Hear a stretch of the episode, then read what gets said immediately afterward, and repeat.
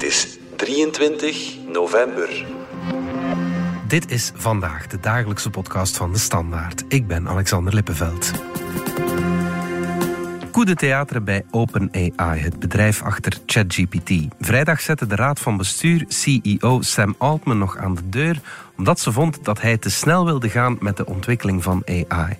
Maar na luid protest van personeel en de grootste aandeelhouder haalde het bedrijf Altman gisteren alweer terug aan boord.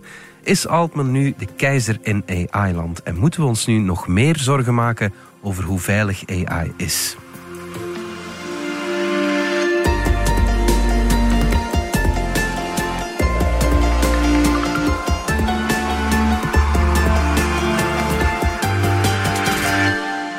We are trying to develop and deploy beneficial, safe AGI for all of humanity. Je hoort Sam Altman, CEO van OpenAI, in de podcast Possible over de toekomst van artificiële intelligentie. And that is a unprecedented project. It is uh, difficult to always know that we're doing the right thing. We will make many missteps along the way, but that's what we're guided towards. Een bijzonder project is het waarbij zijn bedrijf fouten zal maken. Maar we gaan naar een superintelligente AI. Dat is zeker volgens hem. En de impact die zal gigantisch zijn.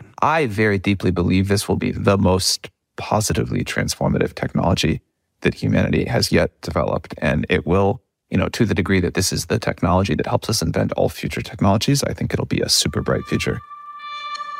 Dominique Dekmijn, onze technologiejournalist. Je mag bijna een kaarsje uitblazen in je journalistieke carrière. Want ChatGPT, de tool die OpenAI uh, lanceerde, is volgende week een jaar oud. En jij bent al een jaar in extase, dat mag ik zeggen. Nou, extase is een raar woord, maar uh, ik heb het uh, plezier gehad dat een jaar lang te mogen volgen, zoals heel veel journalisten. Mm -hmm. En het is effectief een bewogen jaar geweest, zoals ik er in mijn toch ondertussen 33 jaar als technologiejournalist nog geen heb meegemaakt. Je hebt al dit wat grote we... lanceringen meegemaakt ja. van Windows, van iPhone, maar dit is misschien nog... Uh, uh, dit is in ieder geval van een totaal andere orde, ja, gek ja. genoeg. En ja, dat is dan geëindigd, dat dolle jaar waarin de hele technologie-industrie eigenlijk in een race gewikkeld was om zo snel mogelijk OpenAI bij te benen. Mm -hmm. En iedereen dacht van, ja, kijk goed, die, die mensen van OpenAI hebben het mooi voor elkaar. En dan, bam, hè, barst plots de bom bij OpenAI omdat we eigenlijk niet goed wisten hoe dat, wat voor bedrijf dat was, hoe dat, dat werkte. Ja. En ja, dus net voor die eerste verjaardag, boom. Ja, daar gaan we het zo dadelijk over hebben.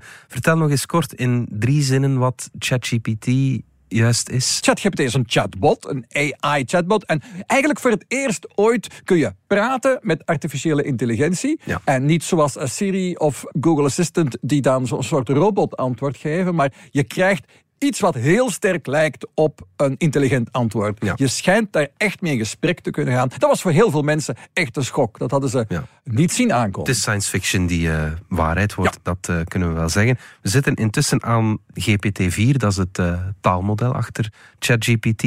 Een uitvinding van OpenAI. De CEO daarvan is Sam Altman. Dat is de reizende ster in uh, Silicon Valley. Hè. Kan je even schetsen wie hij juist is?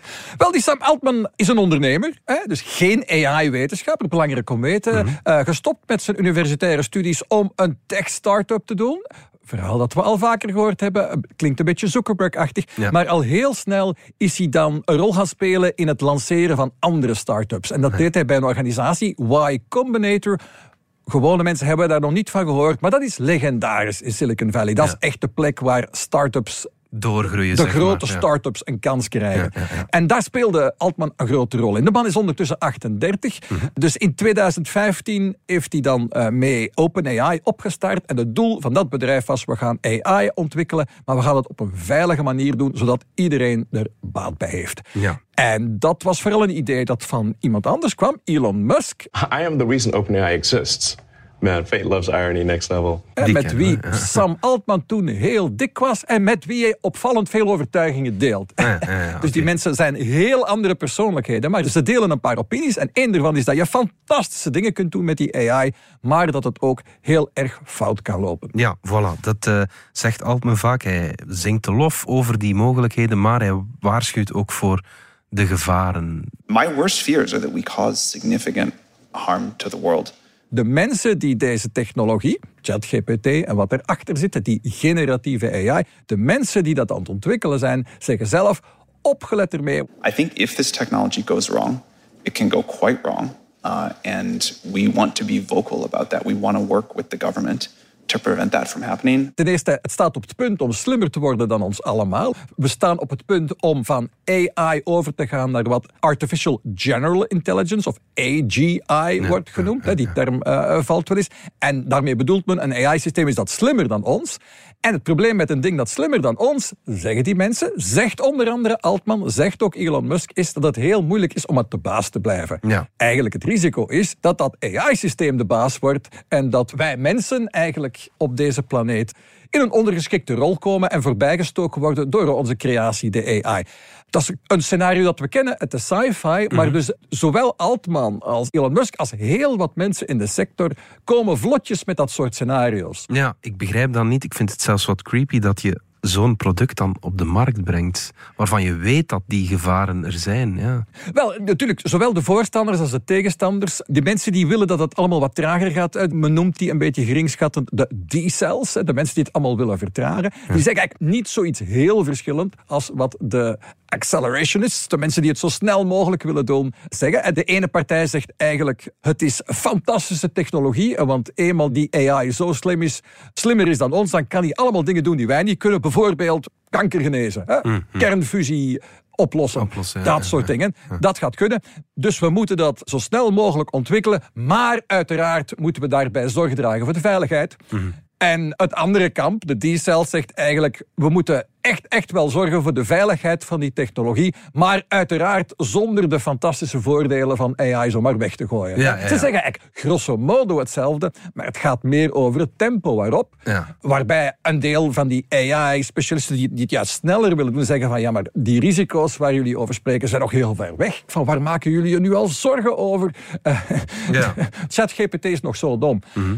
Maar gek genoeg, nee, Altman zit niet in dat kamp. Hij was de voorbije weken zelfs aan het hinten dat er een hele grote doorbraak aan het gebeuren is bij OpenAI. Tegelijk was hij ook net bezig om extra geld binnen te halen die waarschijnlijk nodig was voor het ontwikkelen van het volgende model van OpenAI, GPT-5. Ja, goed. Laat ons even naar die machtsstrijd kijken die er eh, de afgelopen week is geweest, want zo kan je het wel noemen, denk ik. Vorige vrijdag bleek het rijk van Sam Altman plots uit, want de raad van bestuur zette hem op straat. Ging dat dan om die strijd tussen die accelerationists en Ja, precies. Hè, want je zegt eigenlijk machtsstrijd, maar het is eigenlijk bijna meer een botsing van ideeën. Tenminste, dat speelt zeker een grote rol. De botsing van de ideeën tussen dus de mensen, de optimisten als Altman. I agree that when we get to very powerful systems, the landscape will change. I think I'm just more optimistic that we are incredibly creative and we find new things to do with better tools and that will keep happening. En dan die mag je wel zeggen, die cells. Hè? En gek genoeg, dat was eigenlijk altijd de bedoeling. Hè? De bedoeling bij OpenAI was uiteindelijk, oorspronkelijk, was het in 2015 opgericht als een non-profit. En het doel was veilige AI ontwikkelen. We, the field, the technology, the industry, cause significant harm to the world. I think that could happen in a lot of different ways. It's why we started the company. Um, it's big part of why I'm here today. Uh, and why we've been here in the past and we've been able to spend some time with you. Maar ergens onderweg heeft Sam Altman, hij was de sleutelfiguur daarin, gezegd van ja, maar zo gaan we er niet geraken. Want als je die opeenvolgende steeds maar krachtigere taalmodellen wilt maken, heb je steeds meer rekenkracht nodig en dat kost fortuinen. Ja. Hè, honderden miljoenen, het loopt in de miljarden. En, dus dat heeft de VZW niet natuurlijk. En dat heeft de VZW niet. Precies. En dus heeft hij dan uh, een commerciële structuur opgezet. Maar hij heeft allerlei stappen dan genomen om naar de buitenwereld toe te signaleren, ja, maar pas op, we zijn nog altijd geen gewoon commercieel bedrijf. We zijn iets bijzonder, iets heel uniek. Eigenlijk zijn we nog altijd een echte non-profit, want er zit een raad van bestuur achter het goed van de mensheid op het oog heeft. En als dat er, die bestuur zegt dat OpenAI niet goed bezig is voor het belang van de mensheid, dan kan ze het bestuur ontslaan. En onlangs zei Altman nog, en dat is juist heel goed, hè, ja. Hm, dat hm. bestuur kan mij ontslaan. Wat doen ze dan? Ze ontslaan hem. Ja, maar dan ja, gaat hij als een duivel in een wijwatervat tekeer, zeg maar. Wel, ja, niemand zag dat aankomen. Maar dus strikt genomen is precies gebeurd, zou je dan denken, waar de structuur voor is opgezet. En wat was dan de concrete aanleiding om Altman op straat te zetten vorige week? Wel, dat is nu het interessante. Dat weten we nog altijd niet. Ah, Tenminste, men heeft dat niet letterlijk gezegd. Er zijn vooral de theorieën naar buiten gekomen. Maar inderdaad, het kan alleen maar iets te maken hebben met de basisfunctie van die raad van bestuur. En dat is dan die veilige ontwikkeling van AI. En om een of andere reden, en ze hebben niet duidelijk gezegd waarom, vonden ze dat uh, Sam Altman die opdracht in gevaar bracht. En dus dat die opdracht niet kon worden vervuld met Sam Altman aan het hoofd. Ja. Het zag er naar uit dat de man die daar de raad van bestuur van heeft overtuigd, ene Ilya Sutskever is. En dat is het echte brein van OpenAI, het AI-genie. Dat is Altman niet. Hè. Altman is een ondernemer. Mhm, mhm. Maar hij, hij, is zeer, zeer goed in het aantrekken van de allerbeste mensen. En bij het begin van OpenAI heeft hij de allerbeste aangetrokken als hoofd van de research. En dat is Ilya Sutskever. Ja. Briljante man. Ja. Maar blijkbaar de laatste tijd overtuigd geraakt dat die AI echt best wel gevaarlijk is wilde Elias Sutskever dan Sam Altman opzij zetten? Was er een conflict tussen die twee? In ieder geval waren er verschillen van mening over hoe het verder moest. Sam Altman, na vijf dagen van veel vijven en zessen, is hij al terug als CEO van OpenAI. Wat is er in die amper ja, een kleine week tijd gebeurd? Wel, dat zullen we weten als het boek geschreven wordt uh, over enkele jaren, denk ik. Uh, we kennen een aantal krachtlijnen. Enerzijds hebben we gezien dat het wel degelijk zo werkte. Die raad van bestuur heeft eigenlijk helemaal haar rol gespeeld, zoals zij ze zag. En dan kun je nog zeggen dat ze het bijzonder, bijzonder onhandig hebben gespeeld. Mm Ze hebben wel een rol proberen te spelen. En we moeten concluderen, vijf dagen later, dat ze het pleit verloren hebben. Dat bestuur mhm. is, uh, voor zover we begrepen hebben, weg, wordt vervangen door een ander bestuur, waar Altman terug in zal zitten, waar zijn uh, rechterhand Brockman in zal zitten, mhm. en waar zeker ook Microsoft de grote geldschieter in zal zitten. Want het is vooral Microsoft die hier de powerplay heeft gedaan. Die hebben gezegd van, ja, maar wacht eens even. We hebben hier wel miljarden, 10, 12 miljard op tafel gelegd voor jullie. Mhm. Al onze klanten rekenen nu op die producten die wij aan het bouwen zijn op jullie technologie.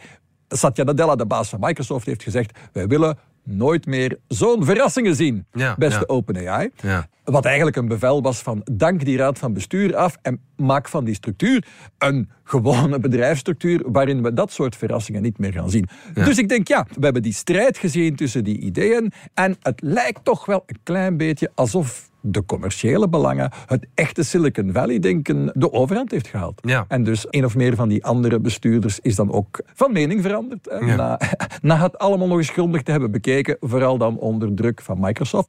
Maar dus ook, dat was een belangrijke factor van het personeel, dat collectief zei van als Altman niet terugkomt, dan vertrekken wij allemaal. En gaan wij allemaal samen met Altman bij Microsoft gaan werken. Ja, ja want Altman lag even in de weegschaal om daar ook uh, Ja, precies. dat was dan een, een verrassend verhaal dat wel 24 uur heeft stand gehouden. Mhm. Hij gaat een afdeling bij Microsoft leiden. En iedereen van OpenAI die weg wil, kan er naartoe. En plots hadden wel meer dan 500 van de 700 medewerkers van OpenAI. Dus bijna iedereen had die brief getekend waarin ze zeggen ofwel komt Altman terug, ofwel gaan we allemaal bij Microsoft. Ja. Waarop dat, uh, Satya Nadella, de baas van Microsoft, zegt... ze zijn allemaal welkom, maar eigenlijk, zei je toen... mogen ze ook gewoon bij OpenAI blijven. En dan blijven we werken met hen samen waar ze ook gaan zitten. Ja. Waarmee het eigenlijk duidelijk was dat, dat het wel degelijk Microsoft was... dat hier in de sterkste positie zat. Maar ze moesten wel dat bestuur door de knie laten gaan. Maar dat het personeel mee wou, daar was nog een andere reden voor. En dat had ermee te maken dat personeel ook aandelen heeft van OpenAI.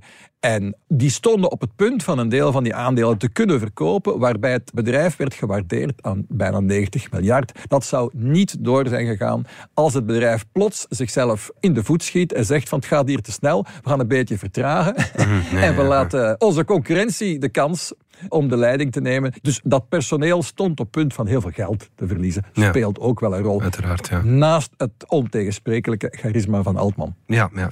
Straks kijken we naar wat heel deze saga nu betekent voor de ontwikkeling van AI. Maar eerst gaan we er even uit voor reclame.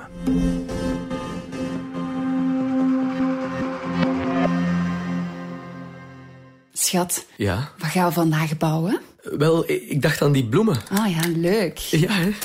Voilà, klaar. Oh, zo schoon, hè? Ja, heel schoon. Enkel het trouwkleed ontbreekt nog, hè? Huh? Wat? Schatje, wilt je met me trouwen? Sommige gesprekken verdienen een blijvende herinnering. Bouw samen een Lego-set en leg die eerste steen.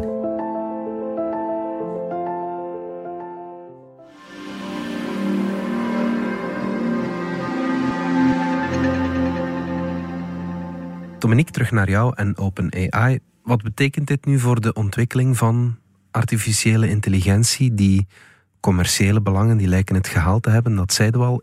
Is dit dan ook het einde van die voorzichtigheid rond AI? Wel, Sam Altman heeft zich altijd een beetje als een compromisfiguur opgesteld eigenlijk. Hoor. Hij heeft ook altijd gezegd van ik ben daar heel erg mee bezig met die gevaren. Kun je zeggen van, eh, dat hij daar een beetje lippendienst aan pleegt. Mm want tegelijkertijd was die man dan afgelopen zomer in Brussel om te lobbyen om onze Europese AI-wetgeving toch maar een beetje af te zwakken. Die man is wel degelijk aan het lobbyen voor minder wetgeving, maar probeert tegelijk het signaal te sturen, je mag het wel aan mij overlaten, want ik ben echt wel met die problemen bezig. Hmm. En dat is ook zo. Hè? Dus op dit moment niemand die zal ontkennen dat er aan de ene kant vandaag reële risico's zijn met AI en die dan te maken hebben met het feit dat uh, ChatGPT vaak dingen zegt die niet waar zijn. Mhm, mhm. Ook vaak dingen zegt die discriminerend zijn. En als je op dat soort technologie vertrouwt om bijvoorbeeld belangrijke beslissingen te nemen, hè, bijvoorbeeld of iemand een verzekering krijgt of of iemand in een bedrijf in dienst wordt genomen, dan, dan doe je heel gevaarlijke dingen. En het werkt ook gewoon fake news in de hand en die polarisatie. Ja, het kan ook gebruikt worden om, ja, het kan gebruikt worden om miljoenen chatbots op uh, X te zetten die mhm. allerlei valse theorieën verkondigen en versterken heel veel gevaren vandaag en tegelijkertijd een gevaar voor morgen. En het gevaar voor morgen is dan, ja, die dingen worden zo slim dat we eigenlijk niet goed weten hoe dat we ze in de hand gaan houden. En eigenlijk ook niet, gewoon niet weten wat ze gaan doen. Hè? Want ze zouden dan zo slim zijn dat ze onze controlemechanismen kunnen omzeilen mochten ze dat willen, mochten ze een eigen wil hebben. Hebben ze een eigen wil? Dat weten we niet. Ilya Sutskever heeft ooit gezegd dat hij denkt dat zoiets als GPT-4 alle basis van bewustzijn heeft. Ah, ja. Dat is een heel controversiële mening. Wat betekent dat dan concreet, dat bewustzijn? Want ja, dat is zo abstract. Ah, wel, dat heeft hij vast niet uitgelegd. Maar hij heeft daar onlangs in een interview uh, een beetje op gespeculeerd. Hè, dat op het moment dat je een vraag stelt aan ChatGPT, er dan misschien een flitsje van zelfbewustzijn is. Van hmm. een wezen dat zich van zichzelf bewust is. Ja, wat betekent dat? Goh... Dat weten we allemaal niet. Hè? Hmm. En dat is een heel controversiële opinie. Maar minstens bij OpenAI lopen inderdaad best wel wat mensen rond die denken dat een volgende versie van GPT, dat is dan misschien niet GPT-5 of GPT-6, maar wie weet de GPT-7 of 8, dat dat een soort ja, zelfbewust wezen zou kunnen zijn, dat ja, wie weet misschien zijn eigen motieven kan hebben. En dus een heleboel AI-experts denken nu na over manieren dat ze kunnen garanderen dat een AI-systeem dat slimmer is dan ons en dingen kan die wij niet kunnen, dat die toch doelstellingen zal hebben die in het belang van de mensheid zijn. Dat die dus niet hm. tegen de belangen van de mensheid in gaat gaan. En dus dat is wel op de agenda gezet. Ja, en ook bij OpenAI zegt men daarmee bezig te zijn. Al die organisaties zijn er wel mee bezig. Dus de voorbije maanden is er zeker een bewustzijn gegroeid ook in de politiek, dat is heel belangrijk, ook bij de bevolking, dat daar streng op toegekeken wordt. En Europa is dat dan toen. Hè. Europa onderhandelt nu over een AI-act die bijvoorbeeld die bedrijven zou dwingen om bijzonder veel transparanter te zijn over wat er nu precies in die grote taalmodellen zit. Wij weten daar nu heel weinig over. Um, maar vaak lijkt het een of-of te zijn. Hè? Dat je, je, hebt eigenlijk een kamp dat zegt... we moeten vooral de problemen van vandaag met AI oplossen. En die hebben te maken met die hallucinaties, hè? Die, die, feiten die ze verzinnen. En met uh, bias, hè? vooringenomenheid. En anderen die zeggen, nee, je moet daar niet te veel op letten. We gaan vooruit, maar we moeten gewoon opletten dat... Uh, als ze echt ontwikkelen tot superintelligentie... Mhm. en dat zou dan volgens sommige van die mensen... ja, maar enkele jaren, misschien vijf jaar, misschien tien jaar van ons afleggen. Op het moment dat die dan super intelligent worden, moeten we vooral zorgen dat ze het dan nog goed met ons voor hebben. Of, dat is een andere benadering die je hoort, dat ze geen enkel eigen agency, dat ze eigenlijk niks kunnen ondernemen. Dus ze, ze, zouden wel slimmer dan ons, als we voorkomen dat die AI-systemen agency hebben, dat ze zelf kunnen handelen. Als ze alleen maar passief antwoorden op onze vragen, is het best oké dat ze, wanneer ze onze vragen beantwoorden, dat ze dan slimmer zijn dan ons, mhm. zolang ze maar geen... Uh, Tegenstrijdige geen, belangen geen, Ja, mhm. geen tegenstrijdige belangen hebben en ook zelf niet kunnen handelen. Hè, geen mhm. initiatief nemen. Ja, okay. uh, eh, dus die ideeën circuleren allemaal. Tot slot, Dominique, nog even terug naar dat hele theater uh, rond OpenAI van afgelopen week. Is dat nu afgerond? Of... Ik zou dat nu niet meer durven zeggen, Alexander. Ik vond het zelfs heel moedig van jullie dat jullie gisteren nog een heel scenario hadden geschreven over. en dan werd ik vanmorgen wakker en nee, het was weer allemaal het was veranderd. allemaal anders, ja. Uh, want Altman zat dan toch terug bij OpenAI. Kan het morgen weer toch totaal anders zijn? Wel, het is nog niet helemaal rond. Er is nog geen raad van bestuur benoemd. En we moeten nog precies weten, de analyse, wat is precies eigenlijk gebeurd? Wat is de echte motivering van het bestuur uh, geweest om Altman buiten te zetten? Daar gaat blijkbaar een onderzoek naar worden gevoerd. Ah, dus nee, helemaal afgelopen is het nog niet. En ja, het lijkt dus in ieder geval alsof de mensen die wat sneller vooruit willen met AI het hier gewonnen hebben van de mensen die willen vertragen. Dat lijkt zeker zo te zijn. Maar die hebben het niet in hun eentje voor het zetten. Er zijn enige checks en balances aan het komen. Uh, daar zijn die mensen zich ook bewust van. Het blijft allemaal verschrikkelijk spannend en interessant. Ja. Eén iets blijft bij mij hangen, Dominique. We leggen nu, of we lijken nu al onze eieren in hetzelfde mandje te leggen. Dat van Sam Altman, is dat geen risico? Wel, dat is eigenlijk iets dat we met Big Tech al een jaar of twintig gezien hebben. Hè? Dat een handvol, vaak charismatische figuren, zoals Altman zeker is, die absoluut overtuigd zijn dat wat zij doen in het belang van de mensheid is. Dat, dat doet je toch ook aan een jonge Mark Zuckerberg denken. Mhm, mhm. Of aan, aan een Elon Musk. Ja, die Silicon Valley titanen, die denken allemaal dat ze de wijsheid in pacht hebben. Dat wat zij doen het beste is voor de mensheid. En dat wie hen tegenhoudt het juist slecht voor heeft met de mensheid. Altman heeft dat ook, maar eigenlijk zelfs nog een beetje meer dan al die andere figuren die we al genoemd hebben. Die man ziet uh, effectief OpenAI als de manier om de mensheid ja, te redden eigenlijk. Hè. Die mhm. AGI die hij wil scheppen, want dat is zijn hoofddoel. Die AGI moet zorgen voor een betere wereld, dat gelooft hij echt. En als je het aan anderen overlaat, dan gaan die het helemaal verknoeien en dan gaat die technologie juist mhm. helemaal ontsporen. Ja. Uh, ja, type Silicon Valley, dat wel, maar dat nog eens, uh, ja, nog eens in kwadraat eigenlijk. Dan hoop ik dat die checks en balances die je aanhaalt, dat die vooral goed genoeg werken. Dominique Ekmijn, dankjewel. Dit was vandaag de dagelijkse podcast van de Standaard. Bedankt voor het luisteren. Volg ons op Spotify, Apple Podcast of eender welk ander podcastplatform. Of download de vernieuwde app DS Podcast, waar je ons werk en de beste luistertips van onze redactie terugvindt. Alle credits van de podcast die je net hoorde vind je op standaard.be-podcast. Reageren kan via podcast.standaard.be.